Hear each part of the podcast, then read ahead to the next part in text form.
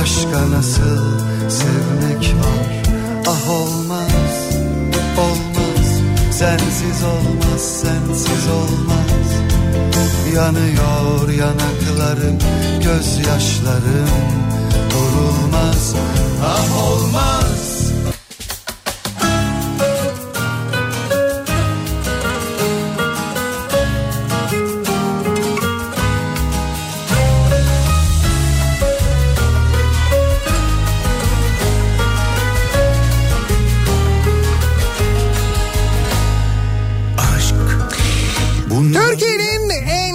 radyosundan, kafa radyodan hepinize günaydın. Yeni günün sabahındayız. Günlerden cuma tarih 16 Ekim. Dayanamam Biliyor Hafiften sisli, puslu ve çokça serin bir İstanbul sabahından sesleniyoruz. Türkiye'nin ve dünyanın dört bir yanına. Senden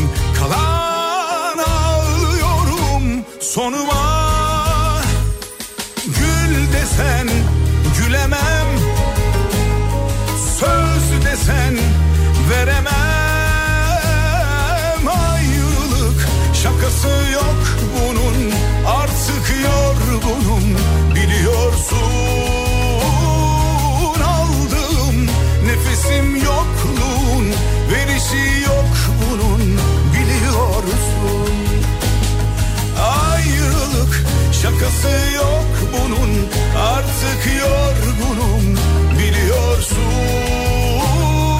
Aldığım nefesim yokluğun Verişi yok bunun biliyorsun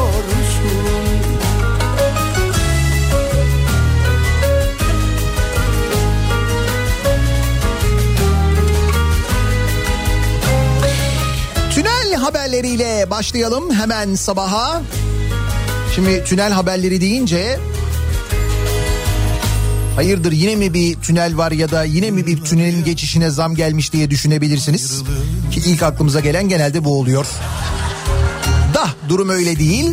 Kapalı olan tüneller var ki bunlardan bir tanesi haftanın başında aslında konuşmuştuk.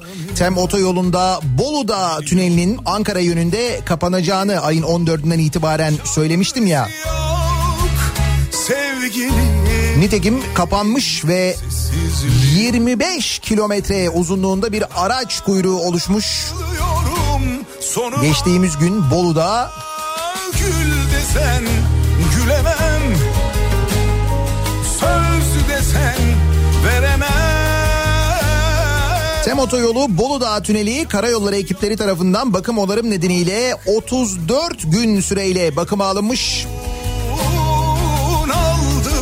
Ankara istikameti Düzce'nin Kaynaşlı ilçesinden itibaren trafiğe kapatılmış. Bolu Dağı Tüneli'nin Böyle olunca tabii araçlar Kaynaşlı gişelerden itibaren yeniden D100'e Bolu Dağı geçişine verilmiş. Şimdi hal böyle olunca Kaynaşlı e, çıkışından geriye doğru 25 kilometre uzunluğunda bir araç yoğunluğu oluşmuş. Ki bunlar da özellikle işte ağır tonajlı araçlar, akşam saatlerinde yola çıkan kamyonlar, otobüsler, ucu bucağı görünmeyen bir araç kuyruğu olmuş. Aklınızda olsun eğer Ankara yönüne gidiyorsanız İstanbul tarafından, İzmit tarafından Kaynaşlı'ya gelmeden E5'e geçiniz. nefesim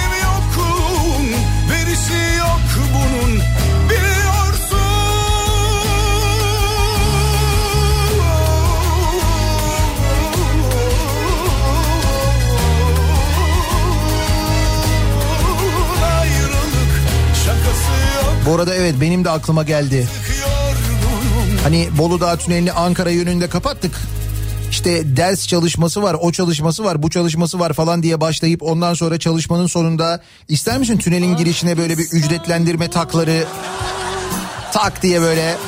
He? Sen olacağına bak. Bolu Dağı Tüneli birdenbire ücretli olabilir mesela. İstersen ödeme. İstanbul değil kader. Aşk bir yolcu belki yoldaşı keder. Boğazında sözleri Tünel demişken bir başka tünel haberi de İzmir tarafından geldi şimdi. Galip göndermiş diyor ki Sab- e, Sabuncubeli tüneli Manisa İzmir yönünde kapalıymış. Onun sebebi ne? Bu mevsimde öyle mi yapıyoruz? Tünellerin birini kapatıyoruz. Tam böyle tünel kapama, ders, değiştirme çalışması zamanı mı yılın acaba?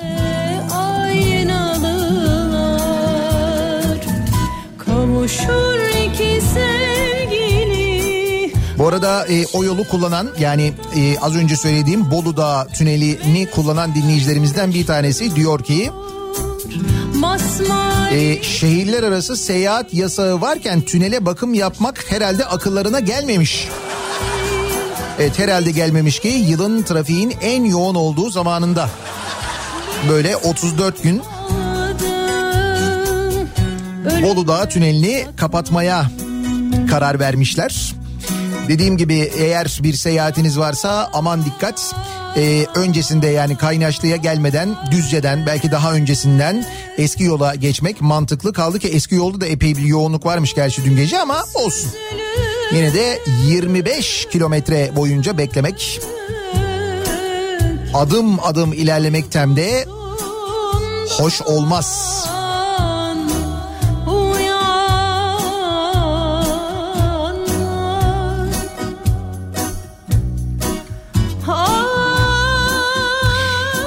Demişken bu arada e, günlerdir konuştuğumuz bir mesele hala e, resmi bir cevap alamadığımız bir açıklama yapılmayan mesele birçok yerde haberi çıkmış olmasına bizzat karayollarına sorulmasına ya da Ulaştırma Bakanlığı'na sorular yöneltilmesine rağmen hala bir yanıt alamadık. Acaba İstanbul'da Boğaz köprülerinden birinci ve ikinci köprüden iki yönlü geçiş ücreti uygulamasına başlandı mı? Bu sorunun yanıtını bir türlü öğrenemiyoruz. Bir taraftan OGS kullananlar da diyorlar ki zaten bir zamandır e, köprüden geçerken yani birinci ve ikinci köprüden geçerken OGS cihazları biplemiyor da diyorlar. Bu da tabii insanı ayrıca bir huylandırıyor. Şimdi hakikaten mesela ba- başka yerlerden geçerken bipliyor. Baba köprüden geçerken biplemiyor. Şimdi dolayısıyla köprüden mesela Avrupa Anadolu yönünde geçerken biplemiyor. O zaman Anadolu Avrupa yönünden geçerken de biplemediğine göre aynası oturur buyurun paranoyak olmamız için bir sebep daha eklenmiş oldu yani.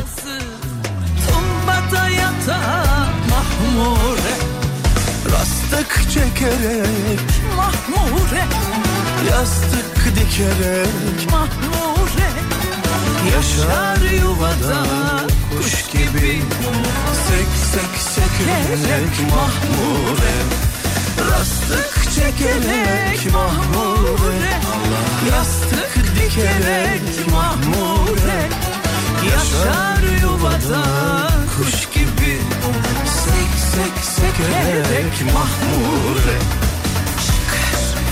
Şıkırda tıkır Tıkırda fıkır Fıkırda mahmure Şıkır şıkır şıkır şıkırda tıkır tıkır tıkır tıkırda fıkır fıkır fıkır fıkırda mahmure Rastık çekerek mahmure Nihat'cığım Bolu Tüneli ücretli zaten diyor Metin göndermiş mesela. Canım ben onu biliyorum. Yani o otoyolun ücretli olduğunu biliyorum da o yolun tamamının ücretini söylemiyorum. O başka bir şey. Tünel başka bir şey. Yol ücretli olabilir ama tünelden geçmek mesela İzmir otoyolu. Yola ayrı ödüyorsun, köprüye ayrı ödüyorsun değil mi? Niye Bolu tüneline ayrı ücret ödemiyoruz? şey Tünel neticede. Değil mi? Bir ekstrası mutlaka olmalı. Onu söylüyorum. Olur mu? Keyifle penceresi Çok mantıksız. Bence de olmaz ama. Şöyle olabilir denilebilir ki efendim bu yeni yapılan yollardaki fiyat ücretiyle devlet tarafından işletilen e, yollar üzerindeki fiyat ücreti araya fiyat arasında epey bir fark var. Biz bunları birbirine eşitleyelim. Kilometre başına belli bir standart ücret olsun diyerek bizim o normal yolların fiyatı yukarı çekilir mi? Öyle bir şey olur mu mesela? kuş gibi sek sek sekerek mahmure Şıkır şıkırda tıkır tıkırda fıkır fıkırda mahmure Şıkır şıkır şıkır şıkırda tıkır tıkır tıkır tıkırda fıkır fıkır fıkır fıkırda mahmure Rastık çekerek mahmure. Yastık dikerek mahmure. Yaşlar yuvada kuş gibi. Sek sek sekerek mahmure. Rastık çekerek mahmure. Yastık dikerek mahmure. Yaşar yuvada kuş gibi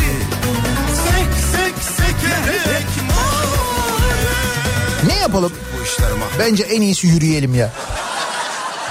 İnelim yürüyelim. En iyisi bu. Bence öyle bir şey yapalım. Dünyanın yürünebilir şehirleriyle ilgili bir araştırma yapılmış ve e, bu şehirler açıklanmış. Ulaştırma ve Kalkınma Politikası Enstitüsü e, yayımladığı raporda dünyanın yürünebilir şehirlerini açıklamış. Listede Hong Kong, Moskova, Paris, Londra ve Bogota ilk 5'te yer alıyor. Tesadüfe bakınız ki Moskova, Paris, Londra ve Bogota aynı zamanda trafik yoğunluğu açısından da en yoğun şehirler arasında ama bir yandan da yürünebilir şehirlermiş aynı zamanda. Biz onu da yapamıyoruz. Nereden? Nereden yürüyeceğiz? Öyle ya yürüme imkanı da yok birçok yerde.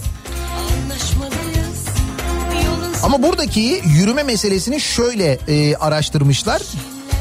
Nüfusu 5 milyondan fazla olan şehirler, park sayıları, caddelerde bulunan yaya yolları, araç trafiğine kapalı meydanların durumu kategorileri üzerinden değerlendirme yapılmış.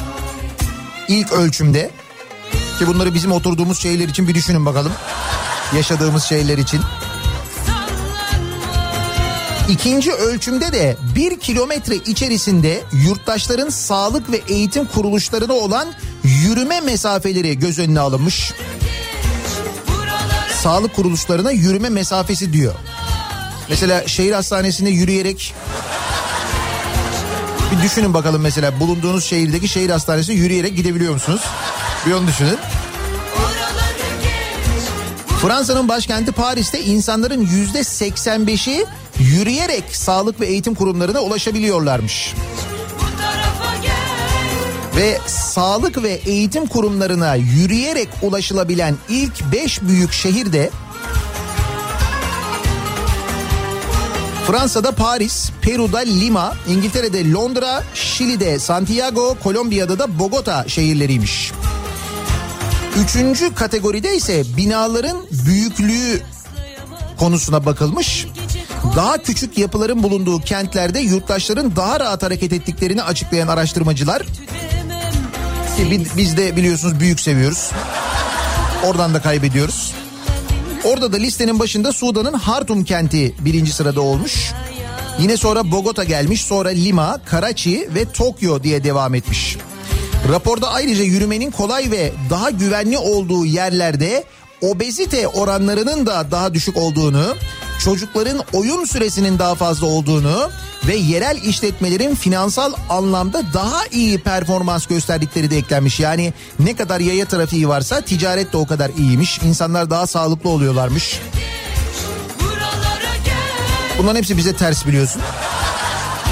Nitekim ben baktım hani herhangi bir ölçümde falan biz böyle bir ilk beşe ilk ona falan girebilmiş miyiz diye. Eh, hiçbir yerinde yokuz yani.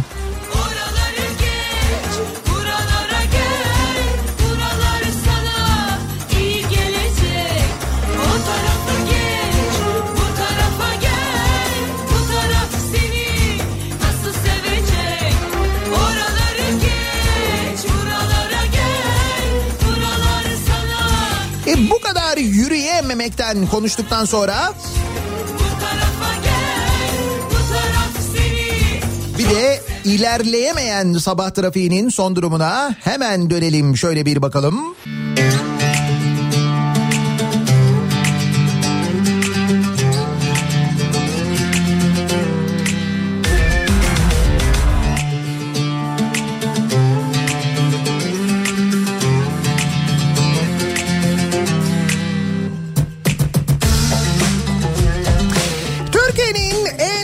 radyosunda, Kafa Radyo'da devam ediyor. Daha 2'nin sunduğu Nihat'la muhabbet. Ben Nihat Sırdar'la. Cuma gününün sabahındayız. Tarih 16 Ekim. Yedi buçuğu geçiyoruz. Epey yoğun bir haftayı geride bırakıyoruz.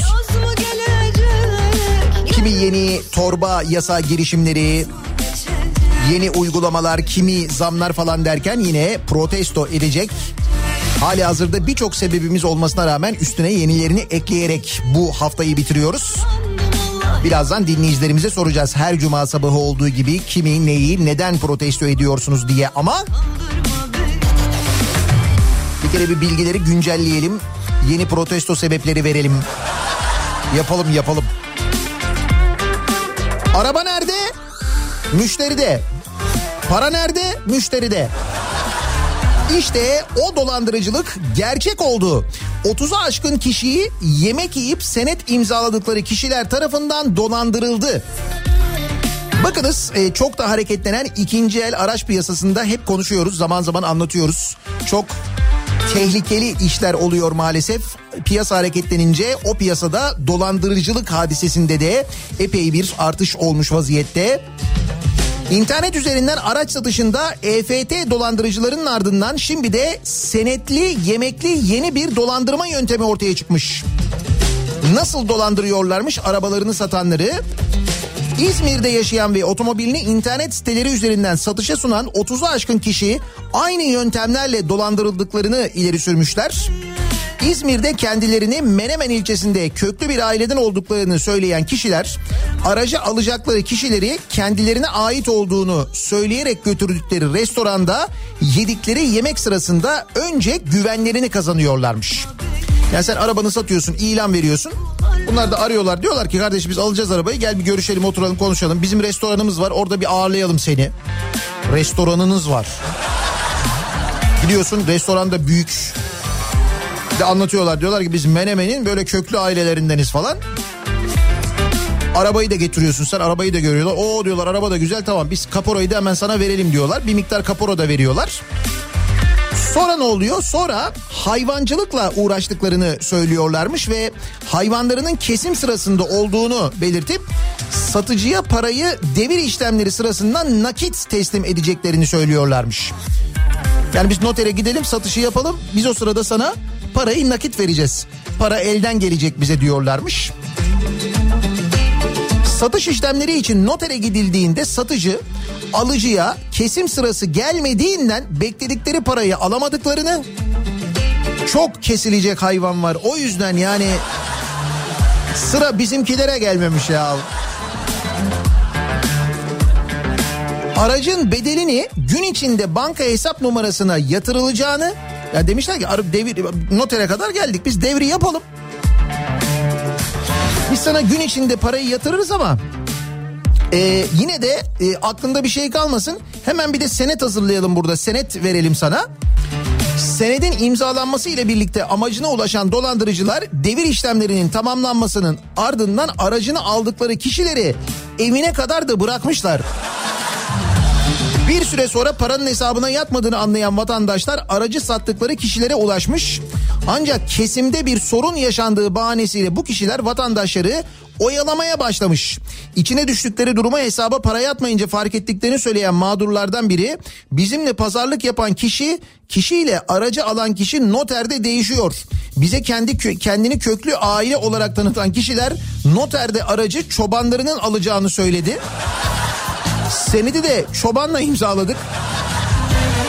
Ancak senet imzaladığımız kişinin üzerine ait hiçbir şey yok.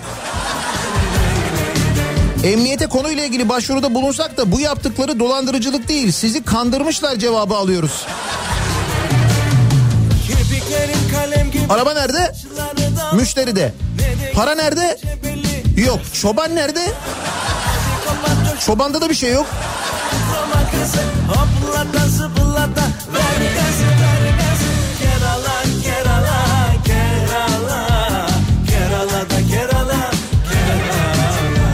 Kerala Kerala Kerala. Kerala da Kerala.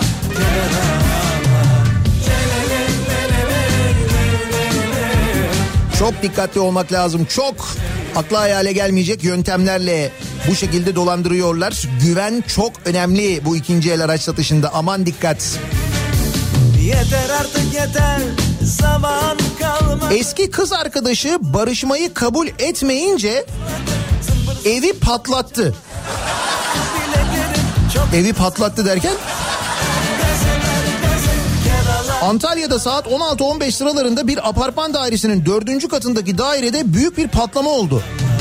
Kerala Kerala Antalya'da Murat H evine çağırdığı eski kız arkadaşı Hülya T barışma isteğini kabul etmeyince henüz ne olduğu bilinmeyen bir maddeyi patlattı. Hülya T patlamada yara almazken hafif yaralanan Murat H hastaneye kaldırıldı. Evi patlattı ne demek ya?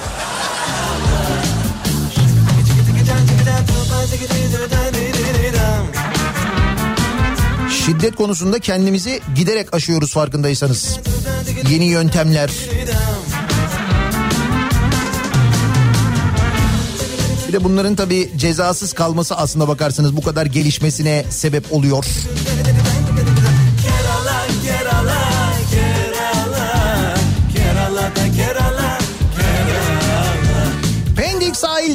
Gebze yönüne İdo ışıkların önünde kaza var. Trafik Kartal'a kadar uzuyor. Çok fena burası. Bu sabahın en yoğun trafiğin yaşandığı noktalardan bir tanesi orası. Uyaralım biz de dinleyicilerimizi bir kez daha. Ha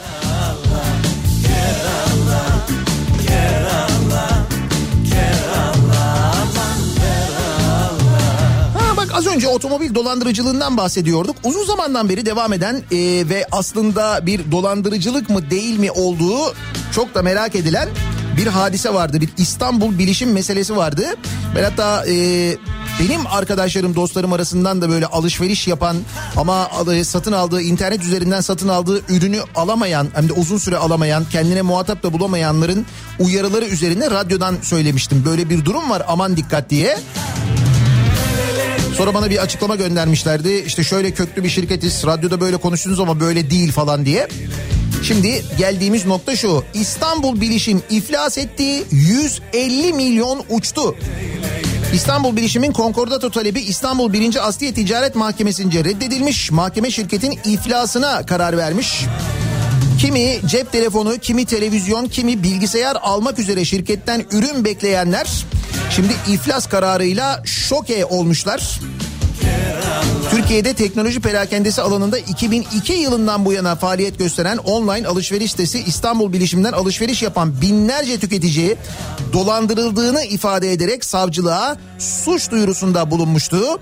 Dava dosyasına giren 564 sayfalık müşteri listesine göre mağdur sayısı 50 bini aşıyor. Toplanan paranın tutarı ise 150 milyon lira seviyesinde. İstanbul Bilişim bu arada geçen yıl el değiştirmiş. Kayıtlara göre şirketin yeni sahibi Nurettin Yavuz. Diyarbakır'da yaşayan 31 yaşındaki Yavuz adına 114 ayrı dolandırıcılık kaydı bulunuyor. Kayıtlara göre Yavuz adına herhangi bir para veya gayrimenkul de bulunmuyormuş. Bu arada şirketin konkordato davası devam ederken ki asıl fena tarafı bu zaten. Mağdurlar birçok kere şikayetlerini bildiriyorlar. Yapılan şikayetlerin bir kısmı da şirketin web sitesinin kapatılmasına yönelik. Yani demişler ki hani biz e, bu siteye girdik satın aldık. Bize bir şey göndermediler dolandırıldık ve bu site hala satış yapmaya devam ediyor. Talebi değerlendiren suç ceza hakimlikleri şirketin sitesini koruma tedbiri gereği erişime kapatmış. Ama bu kez İstanbulbilişim.net diye bir adres üzerinden satış yapmaya devam etmiş şirketin sahipleri. Sonra bu sitede kapatılmış. Son olarak açılan İstanbul-bilişim.com içinde 3 gün önce erişim engeli talep edilmiş. O site hala çalışıyormuş ve hala dolandırmaya devam ediyorlarmış.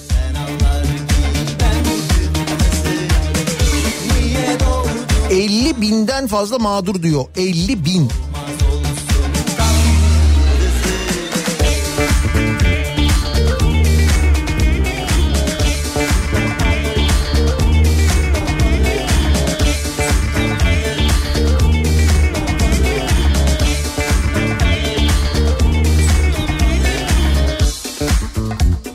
Devlet Demir Yolları kazaya önlem aldı.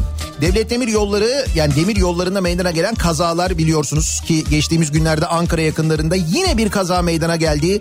İki lokomotif kafa kafaya çarpıştı. Makinistler hayatını kaybetti.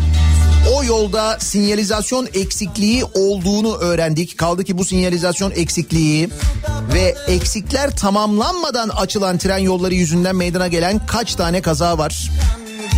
Hayatını kaybeden onlarca insan var. Ve bütün bunlarla ilgili Devlet Demir Yolları önlem almış sevgili dinleyiciler. Ne yapmışlar? Kurban kesmişler. Yıl 2020. Nasıl? Sinyalizasyon başta olmak üzere birçok kurumsal hata ve eksiklik sebebiyle sürekli kazaların yaşandığı Devlet Demir Yolları'nda Genel Müdür Kamuran Yazıcı, Genel Müdür Yardımcısı Çetin Altun ve birim amirleri tren kazalarına karşı kurban kesmişler. Sendika yönetimi eksikliklerin giderilmesi yerine kurban kesilmesini eleştirmiş.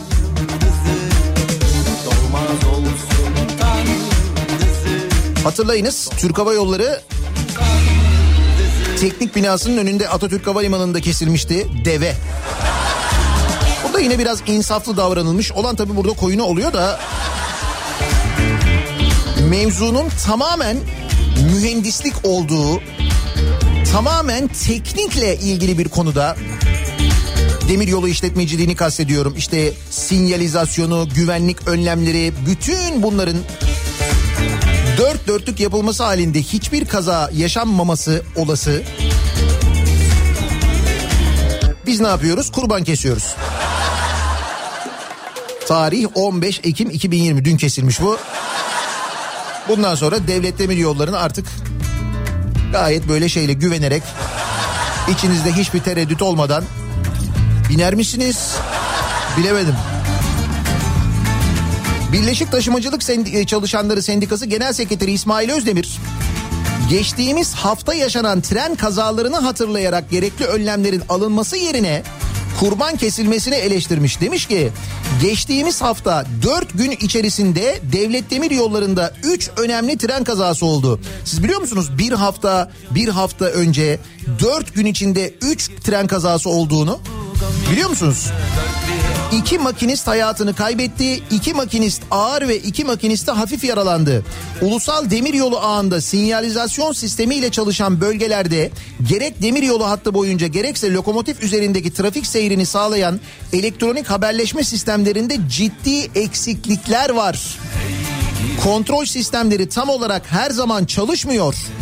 Ve Devlet Demir Yolları Taşımacılık AŞ yönetimi bu eksiklikleri giderme yerine bugün Ankara gar sahasında kurban keserek dua etti demiş.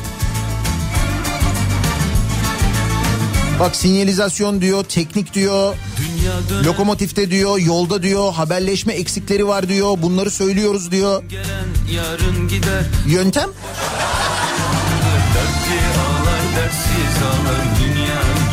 biz de şey diye e, düşünüyoruz. Neyse ki deve değil. Yani neyse ki deve kesmemişler diyoruz. Deveyi de gördük biz. Hatırlayın.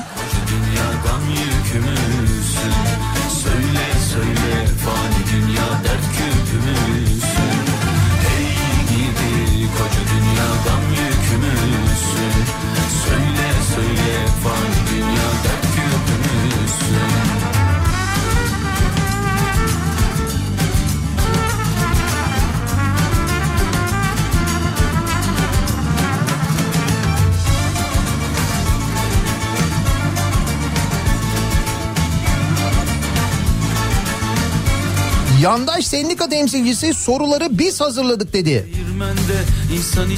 Soruları biz hazırladık. Ne soruları? Sınav soruları. FETÖ taktiğiyle emniyet sınavı. Bu uygulama hala devam ediyor mu ya? Sınav sorularını önceden vermeye hazırlama falan. Yok canım. Onlar eski Türkiye'deydi. Yeni Türkiye'de öyle şeyler olmaz. Sorular birilerine el altından verilmez değil mi? Öyle torpil hiç. Mümkün değil.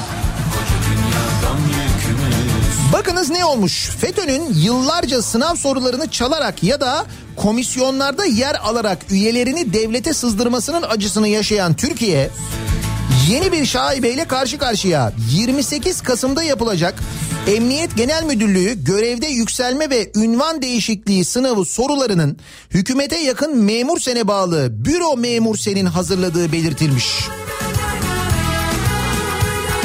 Nazilli İlçe Emniyet Müdürlüğü'nde görevli memur Mustafa Acartürk soruları büro memur senin emniyet temsilcileri olarak biz hazırladık. Emniyet tasdikledi paylaşımını yapmış. Türk Bürosen şaibenin ortadan kaldırılması ve soruların bağımsız bir kuruluş tarafından hazırlanması için sınavın ertelenmesini istemiş. Sendikaların artık böyle görevleri de var mıymış ya?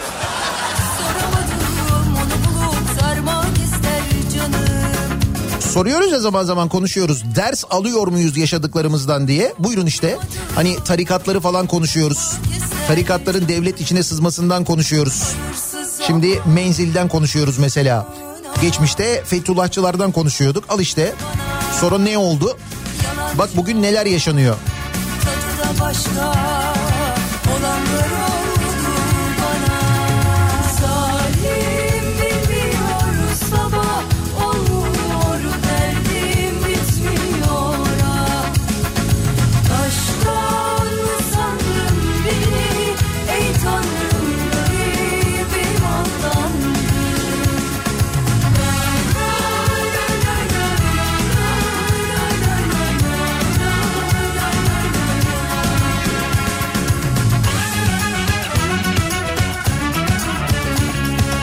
9 ayda devasa açık. Ne açığı? Bütçe açığı. Dün e, toplam borcumuzla ilgili konuşuyorduk değil mi? Kaç e, 100 milyar dolardı borcumuz? Hatta onu TL'ye çevirmeye çalışmıştık da çıkan rakamı okuyamamıştık. Neyse bu seferki TL ekonomideki hedeflerin hiçbirine ulaşamayan hükümet bütçe açığı hesabını da tutturamadı. Ne kadar tutturamamış olabiliriz? Bütçedeki açık bir yıl dolmadan 140 milyar liraya ulaşmış. Eylül ayına ilişkin bütçe verileri yayınlanmış. Buna göre Eylül ayında hazine 108.6 milyar lira para harcarken 78.9 milyar lira gelir elde etmiş. Böylece bütçe sadece Eylül ayında 29.7 milyar lira açık vermiş. Bakanlığın 2020'de hedeflediği 138.9 milyar liralık toplam bütçe açığı 9 ayda aşılarak 140 milyar liraya ulaşmış. Şimdi bilin bakalım o açığı kim kapatacak? Evet var mı yakın yerde bir ayna? Hiç olmazsa bir dikiz aynasına bakın kendinizle göz göze gelin. Evet tamam işte tanıştırayım.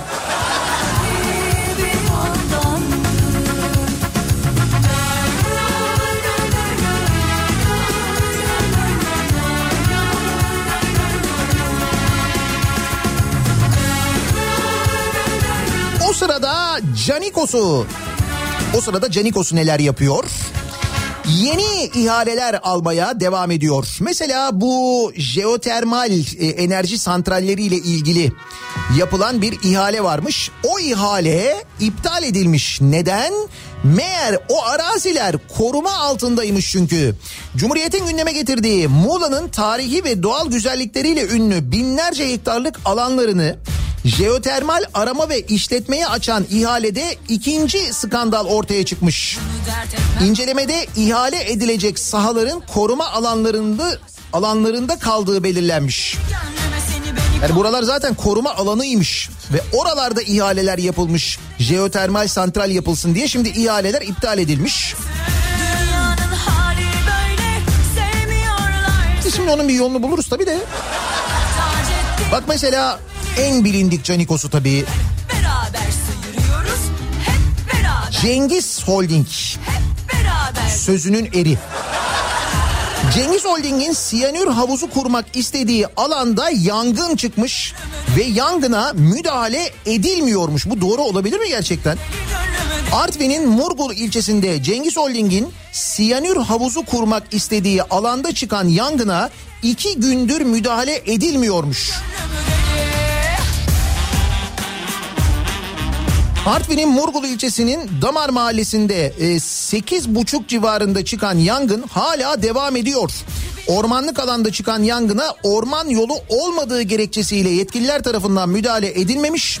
Rüzgarın da etkisiyle şiddeti artıran alevlerin dumanları ilçe merkezine kadar ulaşmış. Bölge halkının tedirginliği artarken yetkililer bir açıklama yapmamışlar. Bunu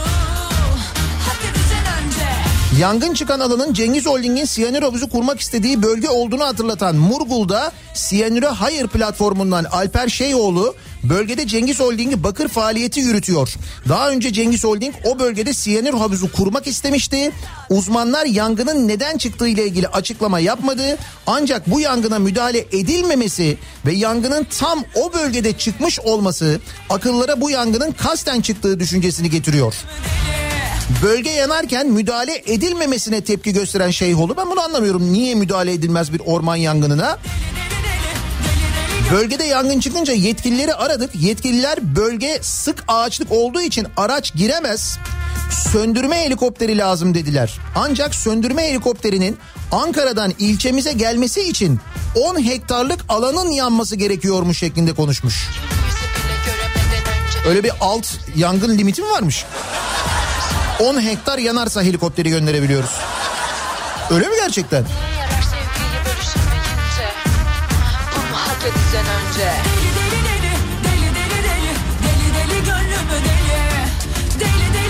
Her gün yeni bir şey öğreniyoruz.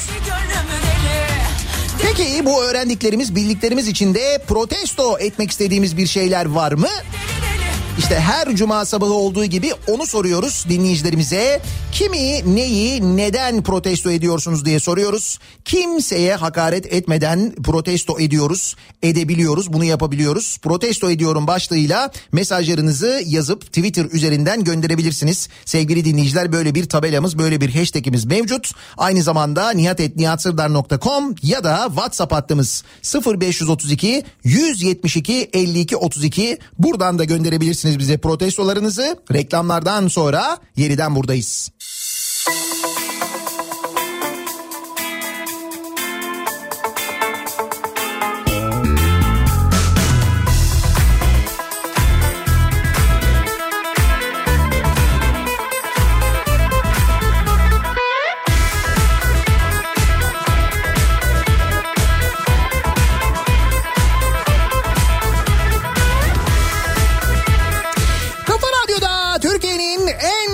Radyosu'nda devam ediyor. Daiki'nin sunduğu Nihat'la muhabbet. Ben Nihat Sırdar'la. Cuma gününün sabahındayız. 8'i 3 dakika geçiyor saat. Geçenleri bir türlü yapamadık Her cuma sabahı olduğu gibi soruyoruz. Kimi, neyi, neden protesto ediyorsunuz diye. Kimseye küfretmeden, kimseye hakaret etmeden gayet medeni bir şekilde protesto ediyoruz, edebiliyoruz. Gidip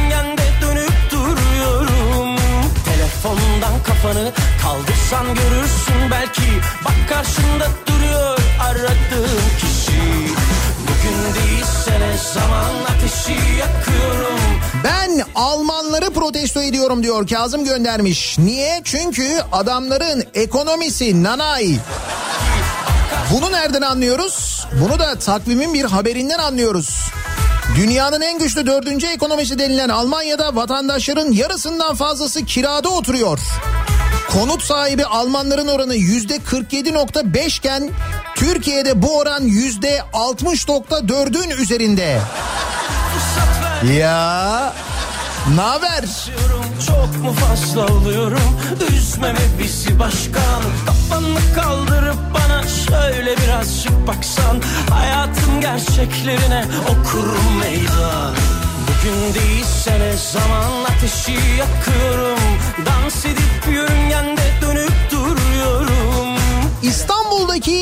dikey bahçelerin kaldırılmasını günlerdir dillerine dolayanların ne Kaz Dağları ile ilgili ne de Murgul'daki yangına iki gündür müdahale edilmemesine ses çıkarmamalarını protesto ediyorum diyor Yaşar. Dikey bahçe çok mühim ya. Öyle ya şimdi o dikey bahçelerin bakımı var. Onların ondan sonra bu çiçeklerinin yenilenmesi var. Onları kim yapıyordu? Mis gibi para düzenli ödeniyordu. Oh!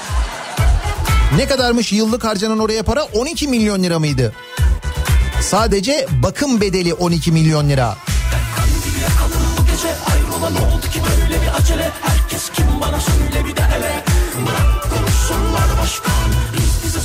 Kurarız Ortaya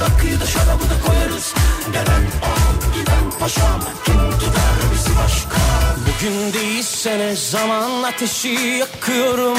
Dans edip yürü Salgın ortamında hiçbir şey yokmuş gibi davranan patronları protesto ediyorum diyor bir dinleyicimiz.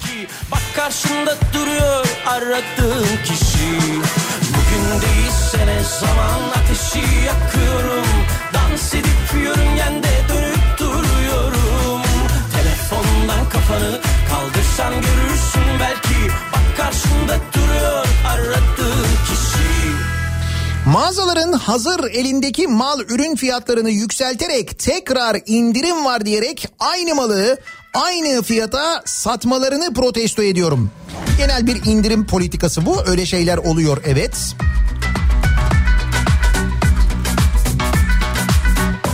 Seni protesto ediyorum. Bütçe açığını kim ödeyecek diye dikiz aynasına bakın dedin. Baktım. Ne güzel işime mutlu mutlu gidiyordum. Şimdi borçlu borçlu gidiyordum. Sabah sabah stres oldu. Nasıl ödeyeceğim o borcu diye düşünüyorum diyor. Mersin'den Mehmet Zeki göndermiş. Değil Sevgili kardeşim sana şöyle güzel bir haber vereyim. Senin hiç uğraşmana gerek yok. Hiç bunu dert etme kendine. Yani ben nasıl öderim bunu işte nereye ödeme yapmam gerekiyor falan filan. Bunların hiçbirini, hiçbirini düşünmene bunlar için hiç dertlenmene gerek yok. Sen onu anlamadan biz çok böyle uygun yöntemlerle hiç hissettirmeden alırız. O konuda çok iyiyiz bak yalan yok. sonunda katil Uşak çıkacak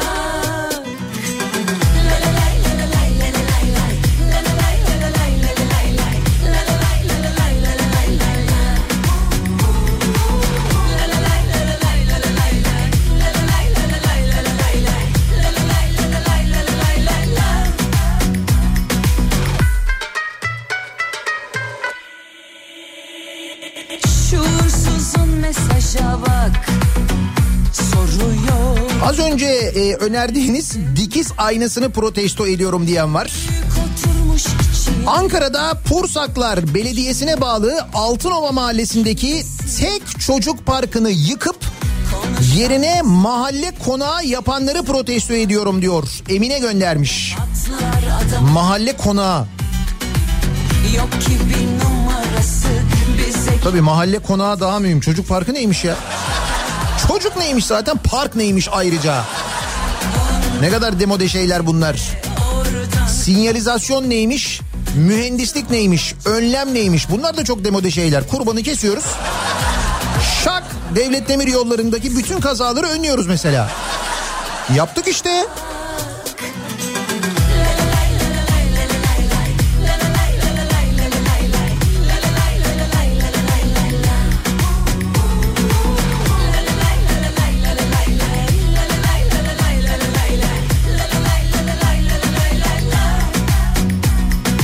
Abi bu Bolu Dağı tüneli ihalesini sen mi aldın? Nedir bu tünel ücreti muhabbeti? Yok canım ben almadım da. Ne bileyim ben böyle mesela bu pandemi zamanında yollarda seyahat yasağı var. Yollar bomboşken tüneli kapatmayıp bakım yapmayıp en yoğun olduğu zamanda 34 gün bakım yapıp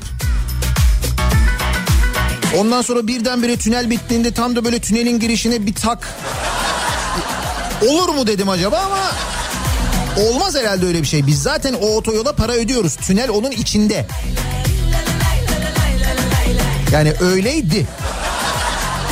Herhalde o bakım bittikten sonra öyle bir şey olmaz. Bilemiyoruz öyle bir şey olsa bile onu net bir şekilde öğrenemiyoruz. Bak mesela günlerdir konuşuyoruz. İstanbul'da birinci ve ikinci köprüde Boğaz köprülerinde çift yönlü ücretlendirme var mı yok mu diye soruyoruz. Kimseden bir yanıt alamıyoruz. Zehrimiz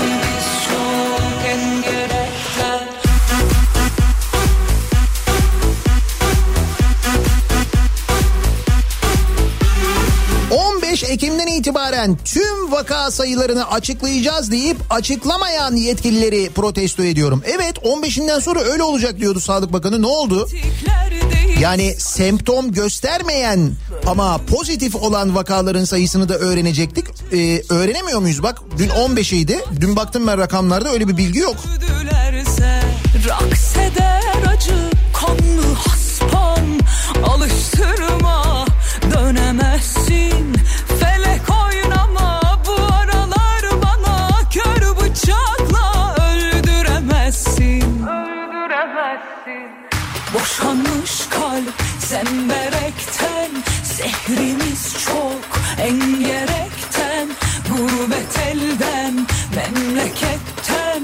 Peşrevini çal şarkısı bizden Hala şaşırmayı başaranları protesto ediyorum.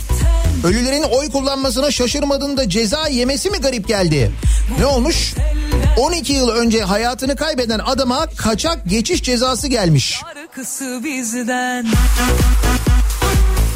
Bu aralar ceza tebliğindeki hız sizin de dikkatinizi çekti mi? Bir yıl öncenin, iki yıl öncenin cezaları geliyor, yağıyor resmen.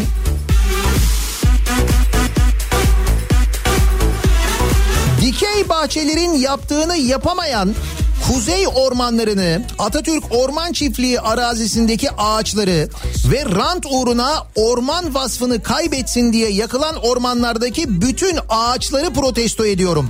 Kaç makamla Siz dün gördünüz mü? Anadolu Ajansı bir haber yaptı.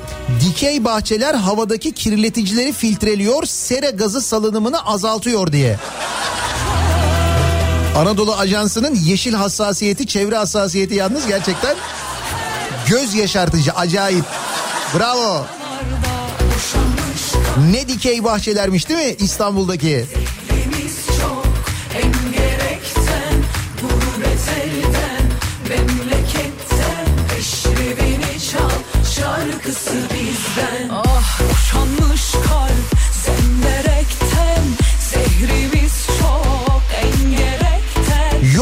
Sayısını eksik hesaplarlar, araç sayısını eksik hesaplarlar, devletin alacağını eksik hesaplarlar. Bunları her kim hesaplıyorsa onları protesto ediyorum. Birileri özellikle yanlış hesaplatıyor olabilir mi acaba? Yine neyi yanlış hesaplamışız ya? Sayıştay raporuna göre kamu alacağına düşük kur uygulamışlar, eksik hesaplayıp devleti zarara uğratmışlar. 2004 yılında bürokratların kamunun dövizli alacağına düşük kur uygulayıp devleti milyonlarca lira zarara uğramasına yol açtığı ortaya çıkmış. Canım küçük bir hesap hatasıdır. Ben hep söylüyorum hep bu metrobüs yolcu sayısını hesaplayan arkadaştan şüpheleniyorum ama. Yani muhtemelen o ya da onun arkadaşları sınıf arkadaşları mı nedir bilmiyorum. O grup ya da o sınıf dört bir yana dağıldı ve sürekli onlar hesap ediyorlar. O yüzden problem yaşanıyor.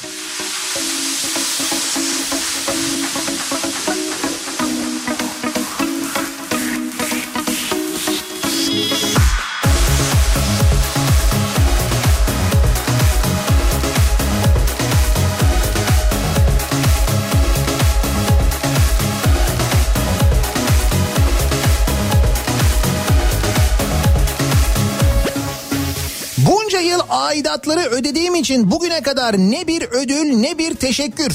Site yönetimimizi protesto ediyorum. Site aidatını ödediğiniz için ödül mü bekliyorsunuz? Tıpkı Çalışma Bakanlığımız gibi değil mi? Ne demişti Ee, bu hafta içinde Çalışma Bakanı? Emeklilere son iki yılda 674,5 milyar lira aylık ödemesi gerçekleştirdik. Ya. Ey emekliler. Son iki yılda 674,5 milyar lira aylık ödemesi gerçekleştirmiş bakanlık. Ne haber? Bir de beğenmiyorsunuz. Yani aldığınız parayı da beğenmiyorsunuz değil mi?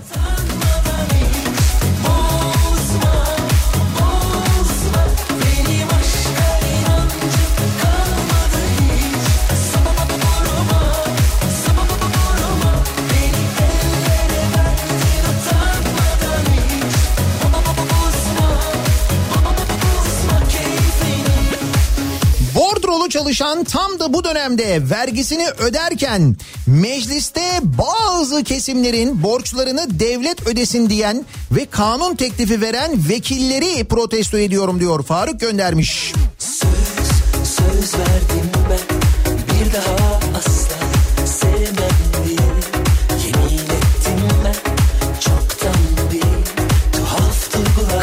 Kamu kurumlarının ödeyemedikleri faturalar için bize hala IBAN gönderilmemiş olmasını protesto ediyorum. Evet uzun zamandan beri yeni bir IBAN numarası görmedik ama yine neresi ödeyememiş borcunu? Kamu kurumları da faturaları ödeyemiyor. Milyonlarca yurttaş faturalarını ödemekte güçlük yaşarken ceza infaz kurumları ve tutuk evleri iş yurtları kurumunun da elektrik, su ve doğalgaz faturalarını zamanında ödeyemediği belirlenmiş. Devlet kurumları da ödeyemiyormuş faturalarını sevgili dinleyiciler.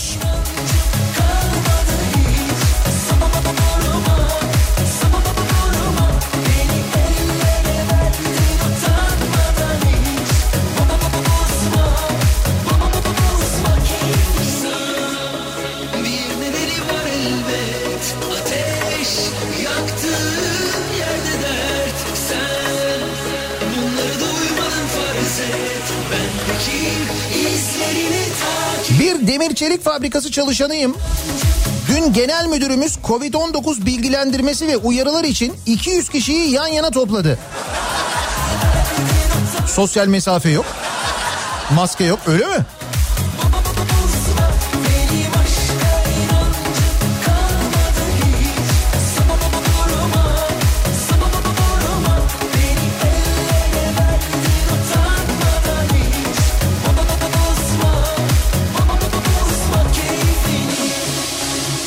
Polisini protesto ediyorum.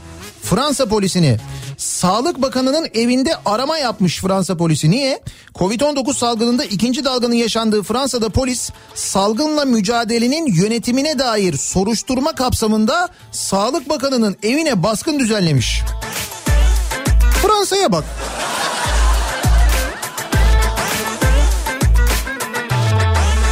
Biz böyle bir şey düşünebiliyor muyuz? Bak olması ihtimalini ben geçtim mesela. Hayal edebiliyor muyuz? Hayal edemiyoruz değil mi? Bundan Herhangi bir e, devlet yetkilisi için söylüyorum ben bunu. Böyle bir şey olabilir mi acaba diye. bul da sürün yerden yere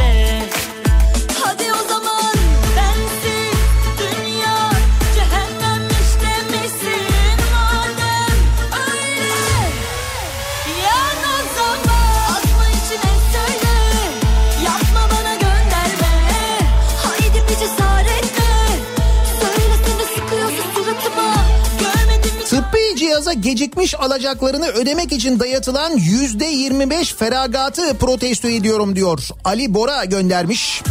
Bakınız o konuyla ilgili e, rakamlar var. Gerçekten de çok acayip bir durum. Birçok hastanede maalesef e, artık ameliyatlar yapılamıyor. Ameliyatlar iptal ediliyor. Çünkü o ameliyatlarda kullanılacak tıbbi malzemeleri artık firmalar alacaklarını tahsil etmedikleri için vermiyorlar. Kamu ve üniversite hastanelerinin ilaç ve tıbbi cihaz sektörüne toplam borcu 18 milyar liraya aşmış sevgili dinleyiciler. Hükümet borcu ödemek için medikal şirketlerden yüzde 25, ilaç şirketlerinden de yüzde 6 feragati şart koşmuş. Şirket temsilcileri kapanma riskiyle karşı karşıyayız diye konuşmuş. Yani düşünün ki siz kamuya bir şey satıyorsunuz. Kaldı ki kamuya bunu satarken zaten epey indirimli satıyorsunuz. İşte kur düşükten hesaplanıyor. Eğer bir de sattığınız malzeme ya da ilaç ithalse. Bu yetmiyormuş gibi ödemeler de e, size yapılmıyor. Ya mesela 3 ayda yapılması gereken ödeme 5 ayda, 6 ayda, 8 ayda, 10 ayda yapılmıyor. 12 ay oluyor, 1 yıl geçiyor, 14 ay, 15 ay, 16 ay, 18 ayda ödeme yapılmıyor. Artık siz batma noktasına geliyorsunuz diyorsunuz ki yeter. Ben bu malzemeleri vermeyeceğim o zaman diyorsunuz. Devlet diyor ki tamam diyor ödeyeceğim diyor. Ama diyor %25 diyor indirim yap diyor. Şimdi çok basit bir hesapla işte bir işletmenin siz olduğunu düşünün nasıl çıkarsınız bu hesabın içinden? Ve mevzu söz konusu olan şey sağlık. Ve biz bunları böyle rakamlar ve haberler olarak dinlerken yakınları sağlık problemi yaşayanlar, hastaneye gidenler. Acil ameliyat olması gerekenlerin ameliyatlarının yapılamadığını, bu malzemelerin bulunmaması üzerine yapılamadığını ki bunların içinde kalp ameliyatları da var maalesef yapılamadığını öğrenince mevzunun ne olduğunun farkına varıyoruz.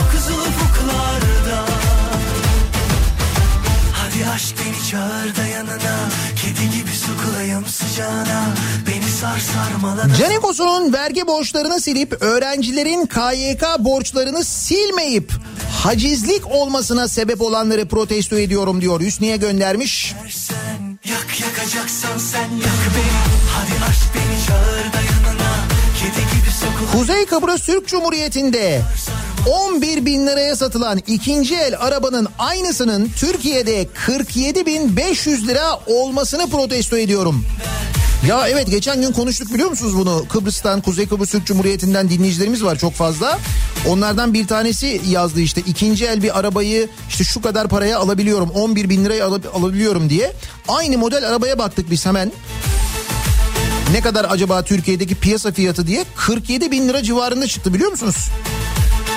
Kuzey Kıbrıs Türk Cumhuriyeti Türkiye. Gel de kavuşalım Deve kesmeyen devlet demir yollarını protesto ediyorum. Ya da en azından biraz daha uzun bir hayvan olabilirdi yani. Şimdi uçak için deve kesildiğine göre tren için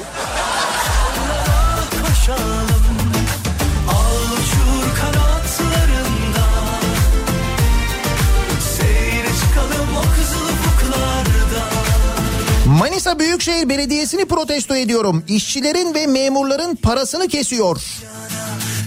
Nasıl yani kesiyor? At at kuytularına at emin Hazırım razıyım dünden Varım her şeyine senin ben Beni korlara ver istersen Yak yakacaksan sen yak beni Hadi aşk beni çağır da yanına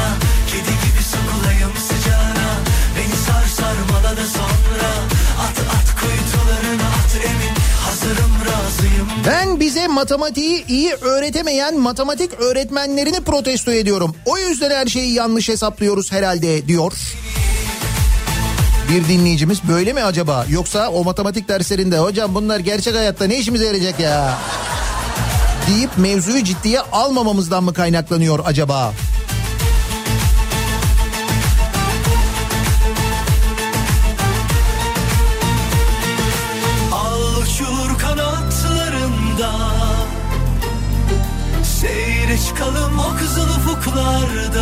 Bir ay önce aldığım notebook 6300 liradan 8000 liraya çıkmış.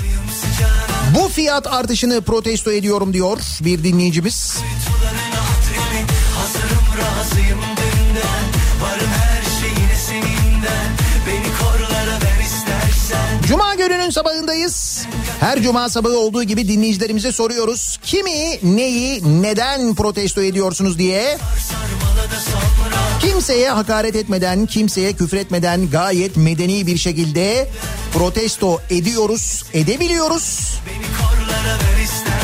Reklamlardan sonra yeniden buradayız.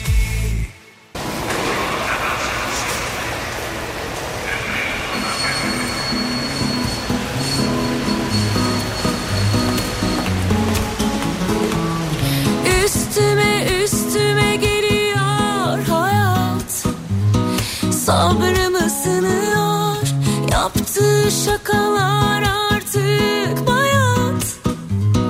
Hep başa sarıyor. Bazen çok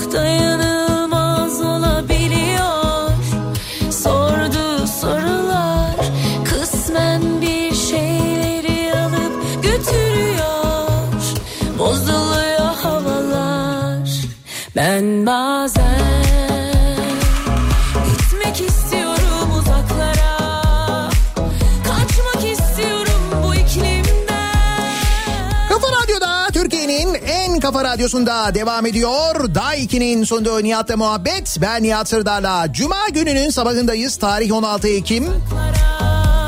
Her cuma sabahı olduğu gibi soruyoruz dinleyicilerimize kimi, neyi, neden protesto ediyorsunuz diye. Kendimi protesto ediyorum diyor Ali. Her gün kur artışıyla fakirleştiğimizi düşünürken dünyadaki rekabet gücümüzün artarak korku saldığımızı görememişim. Çünkü yanlış yerden bakıyorsunuz.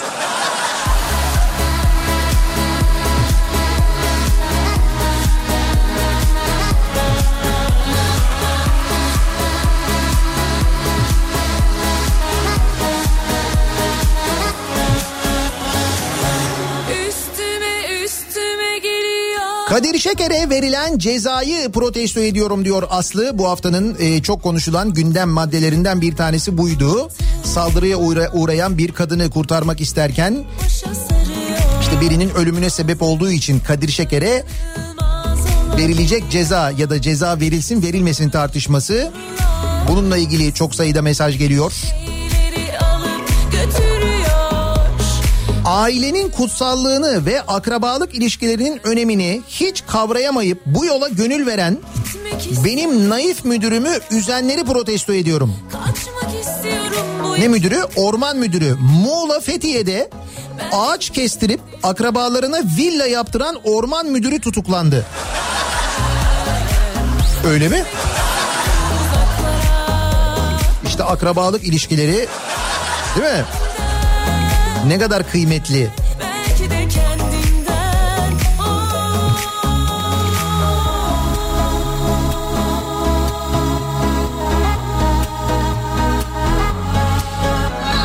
2016 yılında yurt dışından satın alıp ülkeye getirdiğim telefon için 130 lira harç ödemiştim diyor Çağatay. Şu an 2048 lira ödüyoruz. Ben de bu durumu protesto ediyorum diyor. Evet yurt dışından bir telefon getirdiğiniz zaman ödediğiniz harç 2048 lirayı buluyor. Nasıl güzel değil mi? Kaldı ki o harcı eklediğiniz zaman bile bazı telefonlarda yurt dışından aldığınızda avantajlı oluyorsunuz. Hala ve bu kura rağmen yani kurdaki bu artışlara rağmen düşünün.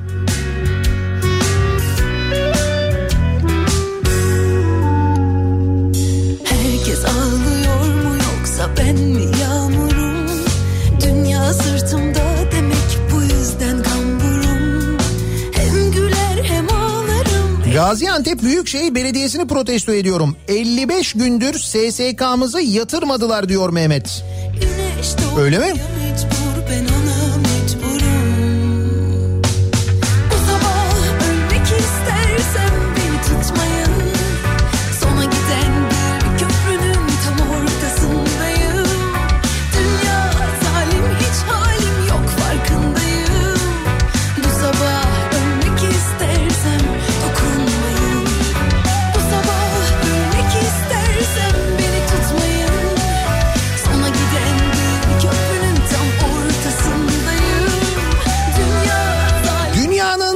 İkinci piki katlanarak yaşadığı ortamda üniversiteleri açmayı düşünenleri protesto ediyorum demiş bir dinleyicimiz. Ya gerçekten de Avrupa'dan da dünyanın birçok ülkesinden de e, havaların soğumasıyla birlikte kış mevsiminin gelmesiyle beraber vaka sayılarında çok ciddi bir artış görülüyor. Nitekim Avrupa'da birçok önlemler alınıyor. Kimi ülkelerde gece sokağa çıkma yasakları uygulanmaya başladı. Sevdalar gömdüm meçhul Biz ne yapacağız acaba? Sil beni İstanbul Sil beni çok kirliyim sil beni Mesela 15 Ekim tarihini hatırlatıyor dinleyicilerimiz. O yönde de çok mesaj geliyor. 15 Ekim itibariyle gerçek vaka sayılarını açıklayacağını söyleyen ama sessizliğe bürünüp yine açıklamayan Sağlık Bakanlığı'nı protesto, protesto ediyorum diyor Halil. halim yok farkındayım Bu sabah ölmek istersem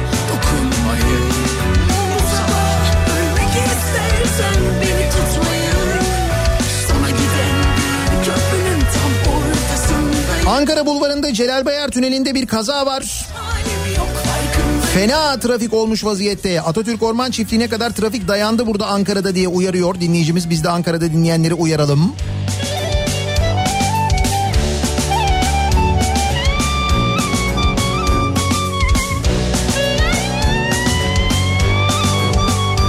Avukat bir dinleyicimiz yazmış. Diyor ki hani şu az önce tıbbi cihaz meselesiyle ilgili konuştuk ya.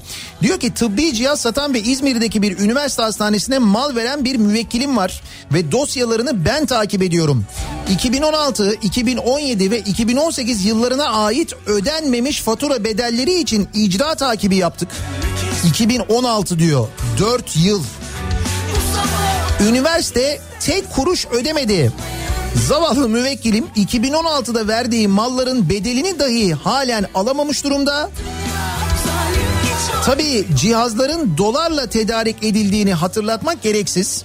Üniversite hastanesinin ticari olarak kullandığı malların gelirini haczetmek istedik. Örneğin kiraladığı taşınmazların kira geliri yargı kararlarıyla bu girişim de engellendi. Şimdi müvekkilimden 2016 yılı alacağına hiç faiz işletmeden ana paradan yüzde 40 feragat edilmesi istendi. Tabi başlattığımız her davadan feragat etmesi de isteniyor. Müvekkilim şu anda iflasın eşiğinde zorla feragat etmesi istenen rakamlar çok büyük. Ama maalesef dayanabilecek ve açtığımız yasal savaşı bekleyecek mecali kalmadı. Üstelik feragat talebinizi bizden yasal olarak isteyin dediğimizde hayır cevabı geliyor. Yani sanki kendi canımız istemiş de öyle feragat yapıyormuşuz gibi davranmamız bekleniyor. Ki ileride bu da yasal zemine taşınmasın diye. Ama tabii tehdit büyük. Ya feragat ve ödeme ya da hiç ödeme alamamak. Bu arada bir avukat olarak benim doğmuş karşı vekalet ücretim hiç hesaba alınmıyor. Onu ödemekle yükümlü hissetmiyor bile sevgili üniversite. Nasıl işler? Nasıl adalet? Güzel değil mi? Acayip. İki Ve bu konuştuğumuz konu sağlık. biz buradayız. Bil ki düşmüyoruz yakandan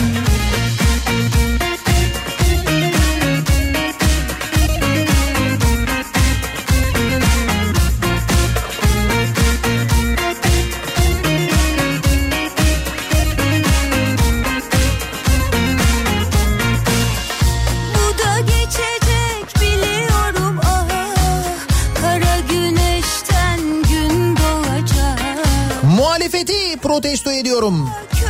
Doğru düzgün muhalefet yapmış olsalardı, dik dursalardı böyle şeyler yaşamazdık ya da daha azını yaşardık belki diyenler var. bulsam Ne eksik ne Muhalefetle ilgili de çok protesto mesajı geliyor söyleyeyim. Kendi kendimle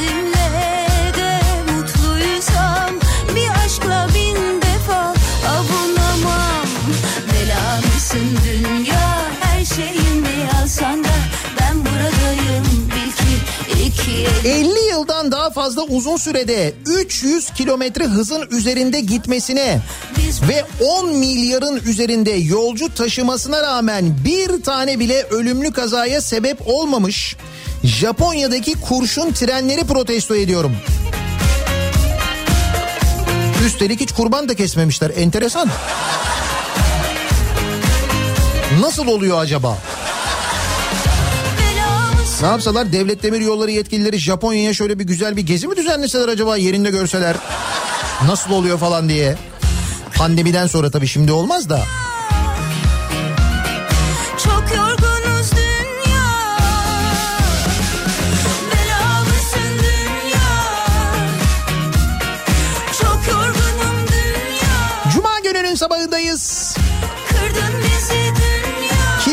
neyi, neden protesto ediyorsunuz diye soruyoruz. Reklamlardan sonra yeniden buradayız.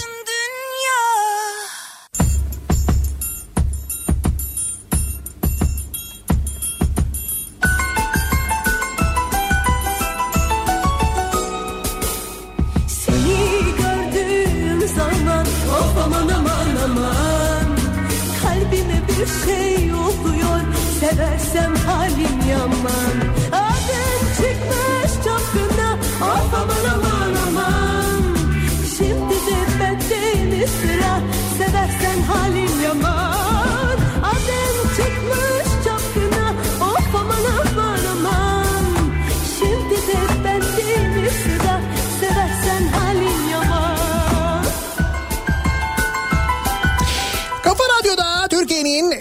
kafa radyosunda devam ediyor. Daiki'nin sunduğu Nihat'la muhabbet. Ben Nihat Sırdar'la. Cuma gününün sabahındayız. 9'a yaklaşıyor saat. Yayınımızın son bölümündeyiz.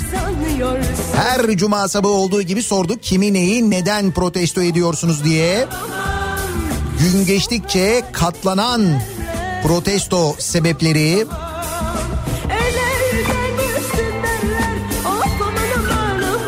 sosyal medya üzerinden paylaşılmaya devam ediyor. Protesto ediyorum hashtag ile Twitter üzerinden yazılanları takip edebilirsiniz bir yandan.